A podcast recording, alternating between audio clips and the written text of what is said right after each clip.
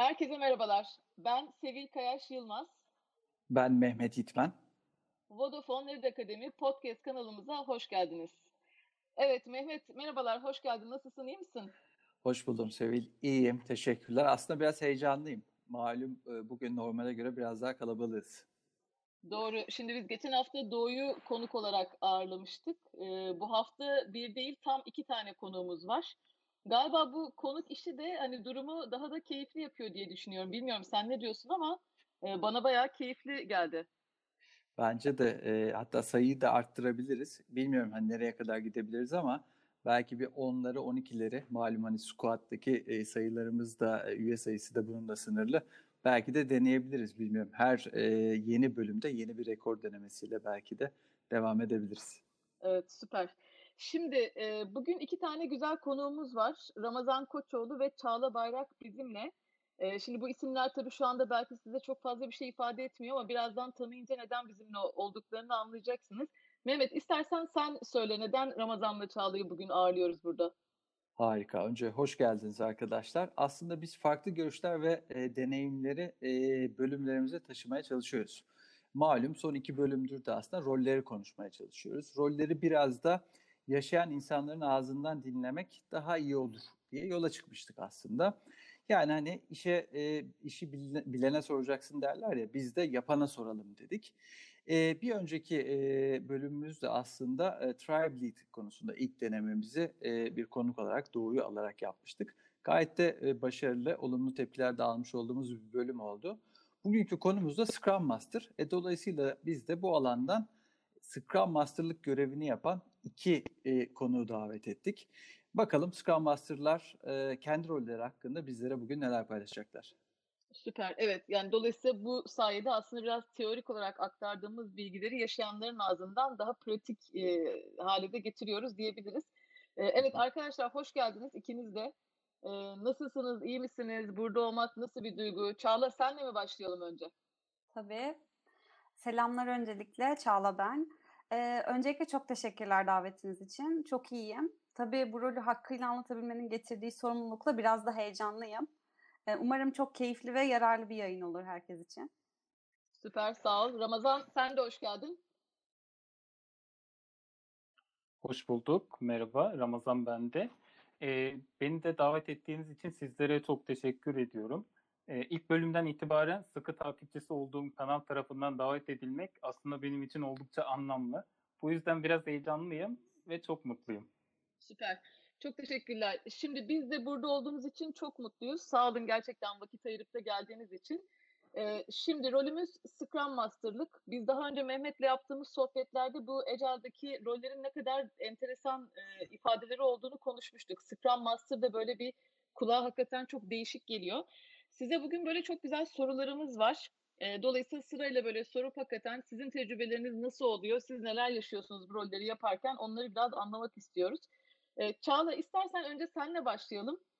Kimdir Çağla? Ne zamandan beri bu Scrum Master'lık rolünü yapıyorsun? Biraz bize aktarabilir misin? Tabii biraz kendimden bahsedeyim. Biraz önce dediğim gibi adım Çağla. E, mezun olduktan sonra direkt e, aslında Vodafone'da Customer Experience yani müşteri deneyimi ekibinde çalışmaya başladım. Yani burası benim ilk iş yerim. E, aslında buna paralel olarak benim ecel dönüşümüm de Vodafone'un dönüşümüyle birlikte gerçekleşti. E, her ne kadar içinde bulunduğum Customer Experience ekibi Center of Excellence olarak çalışsa da ben Agile bir squad'da dedike olarak görev alıyorum. O yüzden de dönüşümün daha hızlı gerçekleştiğini düşünüyorum. Tabii buna etkili, etkili olarak da e, bunu pratiklere çevirebilmek için bulunduğum ekipteki Scrum Master rolünü devraldım. Ve bir buçuk yılı aşkın bir süredir de mevcut görevime ek olarak Scrum Master şapkamla da squad'ımda çalışmaya devam ediyorum. Harika. Peki Ramazan, seni de biraz tanıyalım mı? E, kimdir Ramazan? Ne zamandan beri Scrum Master olarak e, çalışıyorsun? Tabii. Ben de mezun olduktan sonra otomotiv sektöründe proje mühendisi olarak çalışıyordum. Daha sonra kendi araştırmalarımla Agile ve Scrum'ı tanıdım. Bu vesileyle de Agile dönüşümü öncelikle kendimden başlatmam gerektiğini fark ettim. Birçok insan için radikal denebilecek bir kararla geleneksel proje yönetimini bir kenara bırakarak Agile dünyasına giriş yaptım. Vodafone içerisinde de Growth Tribe'da ve Prepaid ve Lusucat'ta faturasız ürünlerin geliştirmelerinden sorumluyum. Bir yılı aşkın süredir de ekibimde Scrum Master olarak çalışıyorum. Süper. Şimdi Ramazan senin bu söylediğin konu bence çok önemli. Değişime kendinden başlamak. Ee, zaten böyle olduğunda galiba hakikaten yaşanan değişimler çok daha fazla sonuç veriyor, çok daha etkili oluyor diye düşünüyorum ben. Peki Çağla, e, yine senle devam edelim. Yani hakikaten nedir bu Scrum Master'lık rolü? Genel olarak bu rolde çalışan insanlar ne işler yaparlar? Bize biraz bahsedebilir misin? Tabii. Ee, şöyle bahsedeyim. Bence Scrum Master'lar squadların Agile kimliğinin bel kemiğini oluşturuyor. O yüzden de sorumluluklarını belki e, bu yayında saymakla bitiremem ama kısaca özetlemeye çalışayım. Öncelikle ekiplerimizin Scrum'ın temellerini anladığından, pratiklerini doğru bir şekilde yerine getirdiğinden emin olmak bizim temel görevimiz. Sonrasında ekiplerimizin çalışırken karşılaştığı zorlukları ortadan kaldırmak ya da bu zorlukları daha görünür hale getirerek çözüm süreçlerini hızlandırmak bir diğer sorumluluk alanımız. Son olarak da ekipler içerisinde gözlemlediğimiz sıkıntıların konuşulması için ortam oluşturmak rolümüzün bir parçası diyebilirim. Belki kısaca da Guardians of the Impediments da diyebiliriz. Süpermiş bu tanım e, Çağla. Tabii burada şey galaksinin koruyucuları ama burada engelleri korumaktan çok belki de kovalamaktan bahsediyoruz diye düşünüyorum. E, Scrum'ın ve Agile'in temellerinden bahsettin. Çok doğru bir nokta bence de. E, Scrum uygulayan takım ve organizasyonlara baktığımızda e, tabii iş yapış şekilleri ciddi bir şekilde değişiyor. Bu anlamda da adaptasyon noktasında ilk başta bazı zorluklarla karşılaşabiliyorlar. E, bu adaptasyon sürecinde karşılaştığımız belki en büyük zorluklardan bir tanesi de Scrum Master yani sizin rolünüzün sahiplenilmesi, bu sorumluluğun hakkıyla yerine getirilmesi olarak karşımıza çıkıyor.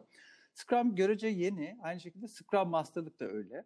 Bu yüzden de belki de tam olarak o Scrum Master kimdir, ne yapar biraz bunu anlamakta zorlanılıyor olması da doğal geliyor biraz bana. Bu anlamda şunu merak ediyorum ben. İlk Scrum Master olduğunuzda aklınızdaki Scrum Master rolü neydi? Bugüne kadar geldiğiniz noktada Scrum Master'ı nasıl görüyorsunuz? Bu tanım sizin için nasıl değişti? Yolda bu rolü deneyimlerken sizin adınıza neler değişti? Belki biraz bunu konuşabiliriz diye düşünüyorum. Ramazan e, sen e, devam etmek ister misin bu noktada? E, tabii.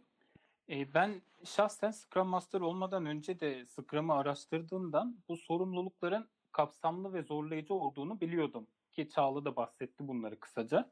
Ancak bunun pratikte teoriden çok daha zor olduğunu Scrum Master olunca anladım.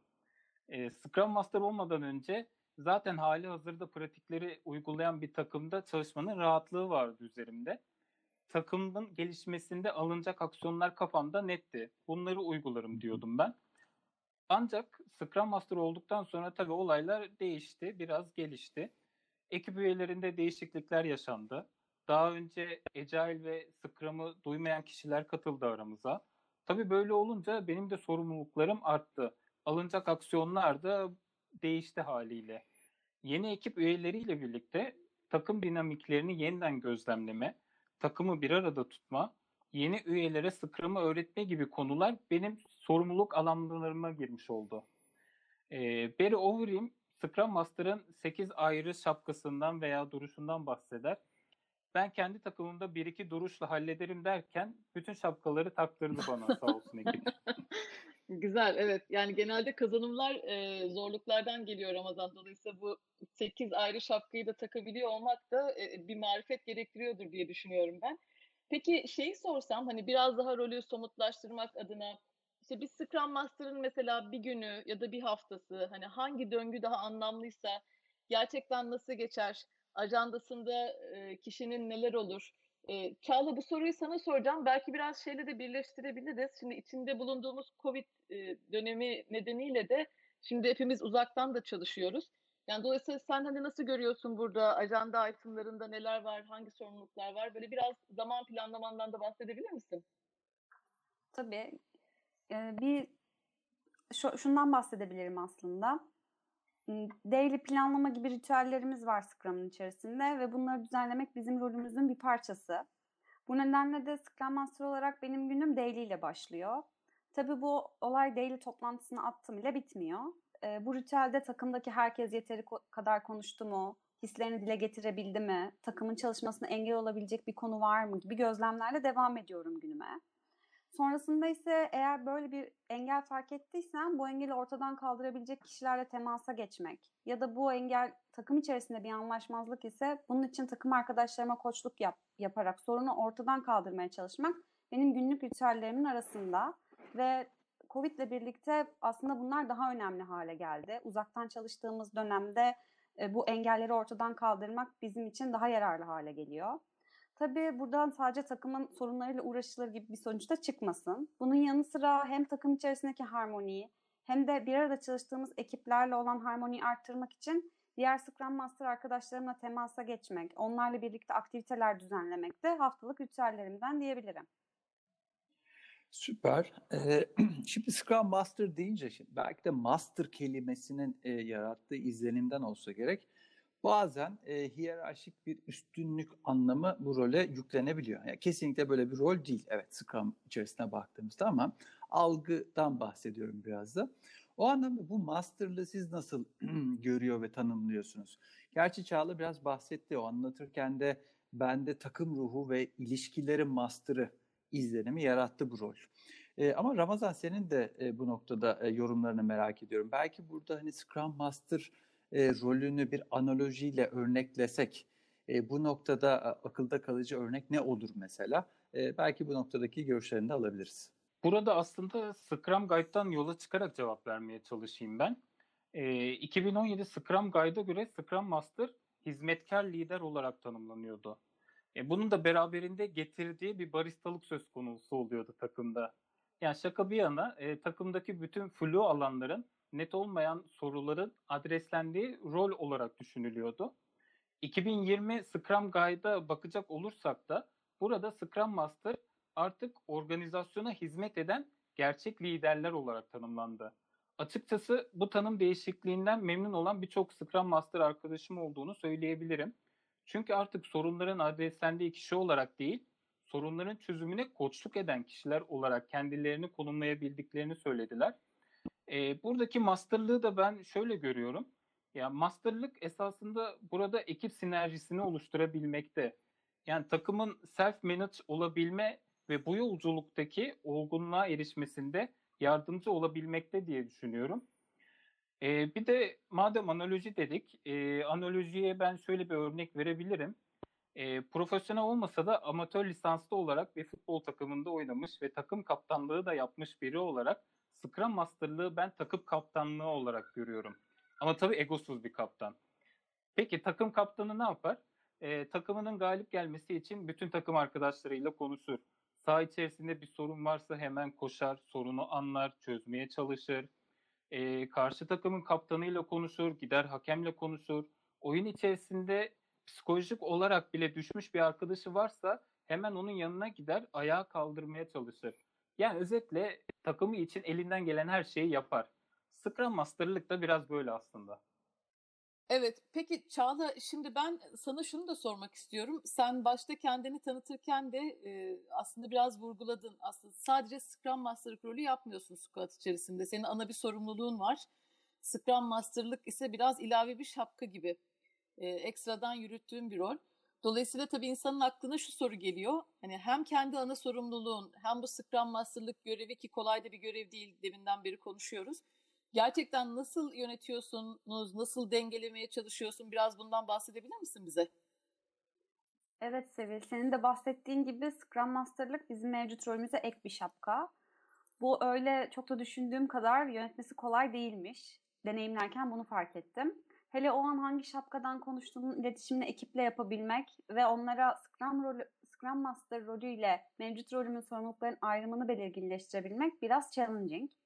Ama ben kendimce şöyle bir yöntem buldum. Öncelikle planlamada işlerimi alırken Scrum Master'lık rolünün hakkını verebilmek için biraz alan bırakmaya çalışıyorum kendime.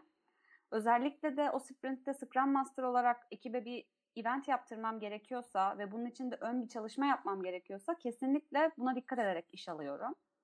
Sonrasında ise biraz önce dediğim gibi Scrum Master olan Çağla ile takımın bir üyesi olan Çağla'yı ayırt edebilmeleri için bazı eventlerde özellikle arkadaşlar şu an Scrum Master şapkamla aranızdayım iletişimi yapıyorum.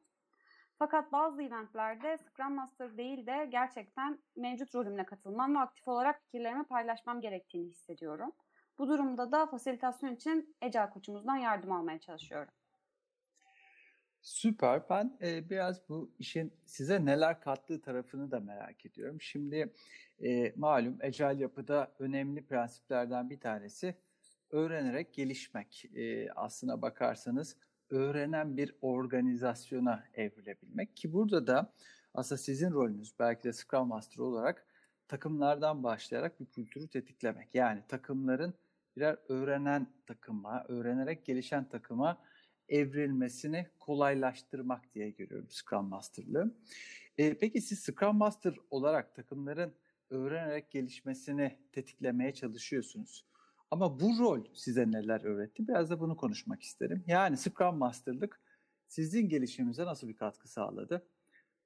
Desem Ramazan ne dersin? E, tabii öğrenerek gelişmek çok doğru. E, burada öncelikle bir ekip nasıl bir arada tutuluyor, enerjisi nasıl yükseltiliyor bunu bana öğretti. E, tek takım olgusunu yaşatabilmek, takım içerisindeki iletişimi arttırabilmek, ekip üyelerinin birbirlerini daha iyi tanımaları amacıyla ben de Çağla gibi yeni metotlar öğrendim, oyunlar oynattım. Ee, bununla birlikte ekip içerisindeki arkadaşlarımın sorunlarını da ayrı ayrı dinledim. Ee, bu noktada koçluk becerilerimi geliştirmeye çalıştım. Ee, iyi bir dinleyici olduğumu da söylüyorlar sağ olsunlar. Ee, ayrıca ekibe yeni katılan arkadaşlarımıza e, biliyorsunuz Ecel Koçlar tarafından verilen bir Ecel 2.0 eğitimi var. E, bununla birlikte ben de inisiyatif alarak küçük bir Scrum eğitimi veriyorum. Bunu bu eğitimle kendi eğitmenlik, öğretmenlik becerilerimi de geliştirmeye çalışıyorum. E, tüm bunların yanında bu sorumluluk kişisel hayatıma da yön verdi diyebilirim. Ecel felsefesinde bulunan tüm ilkeler aslında hayatın kendisine de içkin olan süreçler. Yani Scrum Master sorumluluğundaki görevler refleksif olarak kendi hayatımı da yöneltti, kendi hayatımı değiştirdi. Scrum takımında çözülen her problem aslında gündelik hayatta da yaşadığım benzer problemleri aşmamda bana ilham verdi. Bunu artık görebiliyorum. Bu ikili ilişkiyi görebildikten sonra da Scrum Master'lık ekstra bir iş olmaktan çıktı. Bu süreçte yaşadığım tüm deneyimler kişisel hayatımda da karşılaştığım problemlerin çözümünde ve de e, hayatımdaki yenilikleri yönetebilmemde bana rehberlik ediyor. Evet Ramazan şimdi seni dinlerken hakikaten böyle kulağa çok güzel geliyor. Hani insanın yaptığı işin sadece işte hani katkı sağlamayıp böyle bütün hayatına gerçekten katkı yaratan bir tarafta olması hakikaten çok güzel bir şey diye düşünüyorum. Ee, çok teşekkürler arkadaşlar. Yani biz sayenizde bu rolü biraz daha aslında hani anlama tanıma fırsatımız da oldu. Biraz dinleyenlere de hani iyi bir şekilde aktarabildik diye düşünüyorum. Şimdi biraz da hani Agile içerisindeki farklı rollere de gelelim istiyoruz. Sizlerden de Agile çalışma şeklinde yer alan böyle diğer rollerle ilgili görüşlerinizi de biraz almak istiyoruz. Çünkü hani biliyorum ki ben hakikaten e, hani ikiniz de bir yılı aşkın sürede Scrum Master'lık yapıyorsunuz. Mutlaka gözlemleme şansınız oldu. Bu rollerle birlikte zaten çalışıyorsunuz. Dolayısıyla da sorumuz aslında hani genel olarak şu.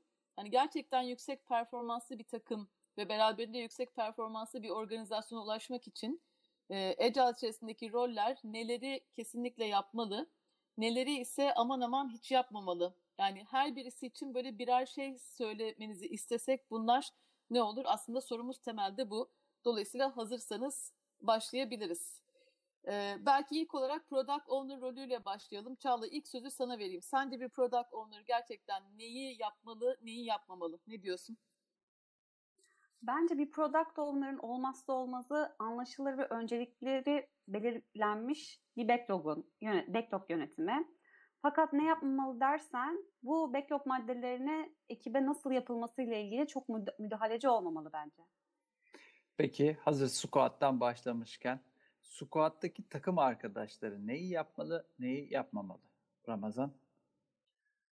Ee, tabii devam edelim. Burada takım üyeleri olarak yapmaları gereken aslında herkesin birbirini anlayabilmesi. E, kendi PBA'ını dana çekip kenara geçmekse takım için yapabileceği en kötü şey olurdu herhalde. Peki. Çağla, chapter leader rolüyle e, devam edelim. Sence chapter liderlerin yapması ve yapmaması gereken şeyler nedir? Bir chapter lead liderlik ettiği chapter için bir gelişim haritası belirlemeli ve bunu chapter ile şeffaf bir şekilde paylaşmalı bence. Fakat tabii her üyesi için de aynı formülü uygulamaya çalışmamalı. Evet, squat'ı konuşmuş olduk. Yetenek gelişimi ve uzmanlıkları da konuştuk hatta. E, bu noktada e, Ecel Koç'la devam edelim istersen Ramazan. Ee, güzel. Ee, Ecel koçları da kısaca organizasyonun kültür dönüşümünden sorumlu kişiler olarak görebiliriz. Yani burada sevdiğim bir tanımlama var benim de. Kendilerine kültür elçileri diyebiliriz.